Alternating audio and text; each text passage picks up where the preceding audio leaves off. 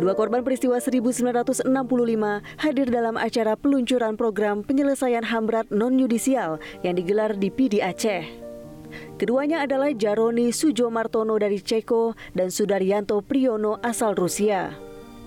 Awalnya mereka adalah mahasiswa asal Indonesia yang menempuh pendidikan di Sekolah Tinggi Ekonomi di Ceko dan Institut Koperasi Moskow di Rusia. Sujo Martono dan Sudaryanto menceritakan awal mula mereka bisa hidup dalam pengasingan dan tidak bisa kembali ke Indonesia. Sujo Martono mengaku dicabut paspornya dan kewarganegaraannya usai menolak mengakui bahwa kudeta di Indonesia saat itu didalangi oleh Presiden pertama Indonesia, Soekarno. Itu sekolah tinggi ekonomi. Sekolah tinggi ekonomi di Ceko atas beasiswa dari negara. Dari negara lewat Kementerian PTIP, Perguruan Tinggi dan Ilmu Pengetahuan. Dikirim oleh negara lewat PTIP Ya. atas semuanya biaya negara. Iya. Iya.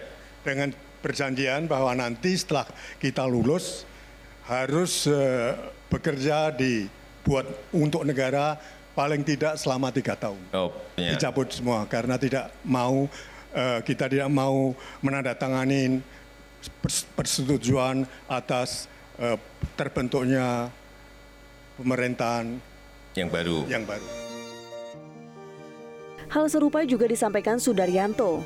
Dia mengaku dicabut paspor dan kewarganegaraannya usai menolak mengutuk Bung Karno.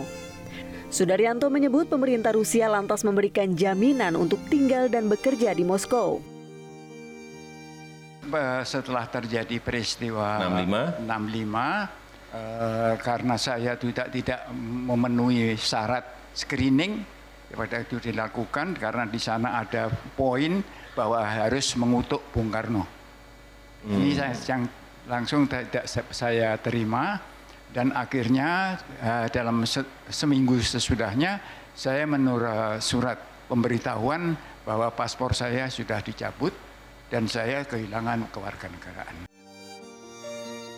Saat ditawarkan untuk kembali ke Indonesia oleh Presiden Joko Widodo, Sudaryanto mengaku sudah sejak lama merencanakan itu.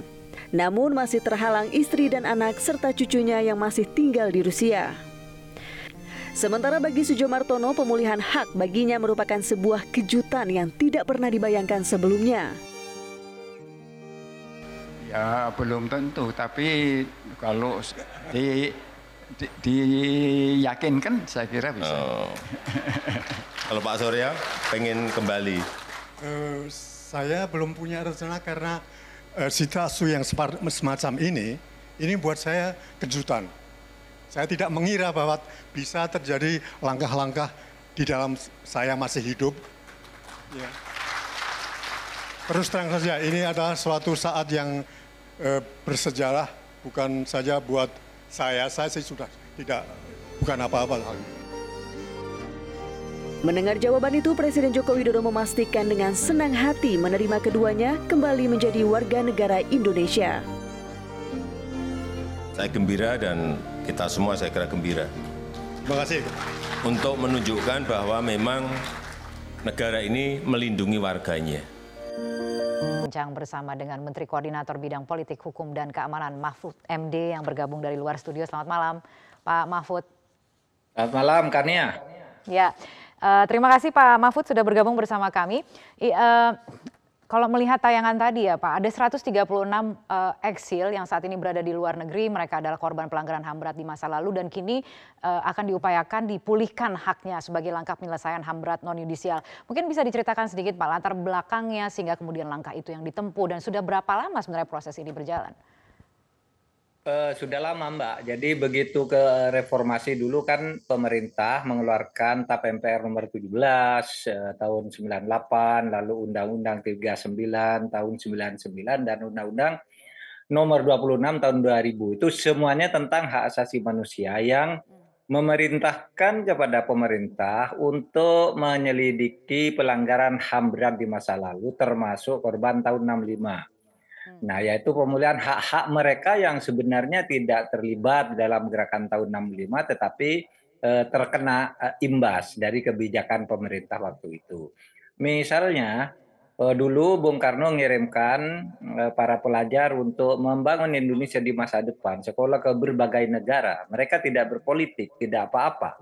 Uh, tiba-tiba ketika mereka sedang di sana terjadi peristiwa 1965 dan mereka yang disekolahkan di luar negeri ini ada banyak orang. Uh, sekarang kan sudah tinggal 139 ya.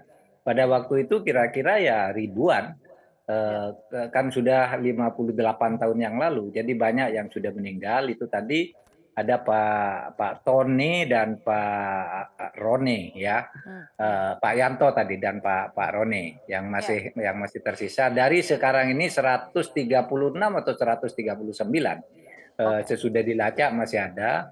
Uh, mereka ya kita beritahu bahwa hak-haknya telah dipulihkan oleh negara gitu. Hmm sesuai dengan perintah TAP MPR dan berbagai undang-undang eh, yang telah dilahirkan untuk itu, yaitu menyelesaikan secara yudisial, yaitu membuat peradilan atau pengadilan HAM terhadap para pelaku eh, kejahatan, pelanggaran HAM berat, dan menempuh jalur KKR namanya, Komisi Kebenaran dan Rekonsiliasi. Nah, jalur ke pengadilan ini tidak pernah bisa berhasil karena uh, apa dari 12 perkara HAM atau belasan perkara HAM yang ditentukan diputuskan oleh Komnas HAM itu sesudah dibawa ke pengadilan bebas semua. Bukti-buktinya hmm. sudah tidak cukup. Dari sudut hukum tidak bisa sembarang menghukum orang kalau buktinya tidak ada.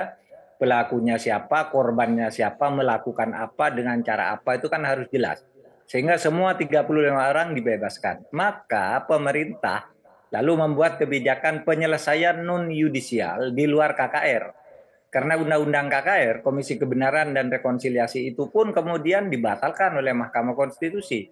Sehingga kita menunggu sampai lebih dari 20 tahun tidak berbuat apa-apa. Akhirnya Presiden Jokowi ya daripada kita diam, mari kita melangkah sekarang untuk pemulihan hak korban. Nah, hak korban ini banyak sekali jumlahnya di berbagai daerah di Indonesia itu Ya, kira-kira uh, lebih dari tiga ribuan dari 12 perkara 12 perkara itu. Nah, yang tahun 65 itu sebenarnya hak-haknya udah dipulihkan di awal reformasi. Misalnya ya. boleh menjadi pegawai negeri, KTP tidak lagi diberi tanda ET ya, ektapol gitu. Kemudian sudah boleh menjadi anggota DPR, menjadi apa saja sekarang uh, boleh. Tapi yang di luar negeri ini terlanjur menjadi warga negara lain, mereka taruhlah terasing atas kesadarannya sendiri, eh, tidak bisa pulang karena dulu paspornya dicabut. Nah sekarang ya. kalau mau, pemerintah akan memberi hak paspor akan dikembalikan kalau masih mau menjadi warga negara Indonesia. Hmm. Gitu. Nah, tapi banyak di antara mereka yang sekarang sudah di luar negeri. Mbak, ya, ini betul. bukan pelaku kejahatan, bukan pelaku G30S. Ini adalah korban seperti ya. Pak Yanto dan Pak Ron itu korban. Sama dulu dengan Pak Habibie. Saya selalu memberi contoh Pak Habibie itu termasuk korban seperti itu. Dulu tidak boleh pulang gitu. Ya. Sesudah ya. lulus ya. doktor tahun 65 tidak boleh pulang. Tahun 74 ketemu Pak Harto di Jerman lalu diajak pulang. Nah, ya. ini orang seperti ini, orang sedang belajar, lalu ada kebijakan pemerintah untuk screening siapa yang boleh pulang, siapa yang boleh tidak waktu itu Nah, dan ini masih banyak yang di luar negeri dan akan kita berikan hak-haknya karena mereka ya. korban, bukan pelaku peristiwa, tapi korban okay. peristiwa. Berapa banyak jumlahnya diperkirakan Pak Mahfud dan apakah mereka semua memang uh, akan diberikan tawaran tersebut gitu untuk dipulihkan haknya dan apa artinya buat mereka? Artinya mereka harus melepas kewarganegaraan mereka karena kan mereka ada di luar negeri sekarang uh, sudah berdo, eh, berdomisili di sana. Jadi kira-kira prosesnya akan seperti apa, Pak Mahfud? Sekarang yang terdata itu uh, karena udah lama sekali ya kita mencari ke berbagai tempat yang masih ada gitu. Karena tersebar di berbagai negara di di, di Eropa dan uh, macam-macam juga. Ada di Malaysia juga dua orang. Hmm. Uh, ya mereka sekarang yang tercatat jumlahnya 100 139 kira-kira. Itu bisa hmm. bertambah gitu. Uh, karena begitu diumumkan muncul satu persatu ya. Okay. Uh, eh, nanti karena Indonesia menganut apa namanya uh, sistem kewarganegaraan tunggal, maka mereka yang ingin kembali ke Indonesia ya nanti difasilitasi menjadi hmm. warga negara Indonesia tapi harus melepas kewarganegaraan asing. Tetapi kalau tetap mau ingin menjadi warga negara uh, asing, sewaktu-waktu mereka mau pulang ke Indonesia akan difasilitasi. Uh, ada golden visa juga ya. Golden visa itu artinya pemberian visa secara mudah, cepat dan dilayani oleh uh, negara terhadap mereka yang sudah teridentifikasi ini. Gitu, Mbak. Dan, dan bagi keluarganya juga begitu ya berarti ya? Iya, difasilitasi Berlaku untuk untuk satu keluarga. keluarganya. Cuma banyak karena ini udah lama banyak yang sudah tidak punya keluarga dan mereka tidak lagi eh, ingin pulang karena juga keluarga sudah tidak ada asetnya, sudah tidak ada dan sebagainya. Tapi mereka merasa bersyukur masih diakui sebagai warga negara Indonesia karena mereka menyatakan sangat rindu dan cinta kepada tanah airnya Indonesia ini. Itulah mereka tadi yang kita lihat di VT tadi itu itu bukan dibuat-buat itu keluar dari hati yang tulus bahwa mereka sungguh sangat gembira dan kaget bahwa Ya. pemerintah Indonesia sekarang ini begitu berani membuat kebijakan yang selama ini selalu maju mundur maju mundur selama 20 tahun. Nah, Ya, tadi eh, itu Pak Pak Pak Pak Roni itu mengatakan hebat. Saya tidak pernah membayangkan dulu selalu dijanjikan terus, dijanjikan terus sudah ganti Ya. kali beberapa kali dubes mau dibantu, mau dibantu dan sekarang diundang sendiri oleh presiden Ya, untuk ya. datang ke Indonesia. Jadi ini artinya berupa ah, jadi ini langkah terobosan sebenarnya ya Pak Mahfud ya? Iya Mbak, eh, Sekian lama keterobosan. karena menunggu begini, gitu ya. upaya Hmm. membawa ke pengadilan semua kasus yang dibuat oleh Komnas HAM itu sesudah dibawa ke pengadilan di, di- dikalahkan semua oleh pengadilan. Artinya untuk mengadili aparat yang dianggap bersalah itu dianggap tidak ada buktinya.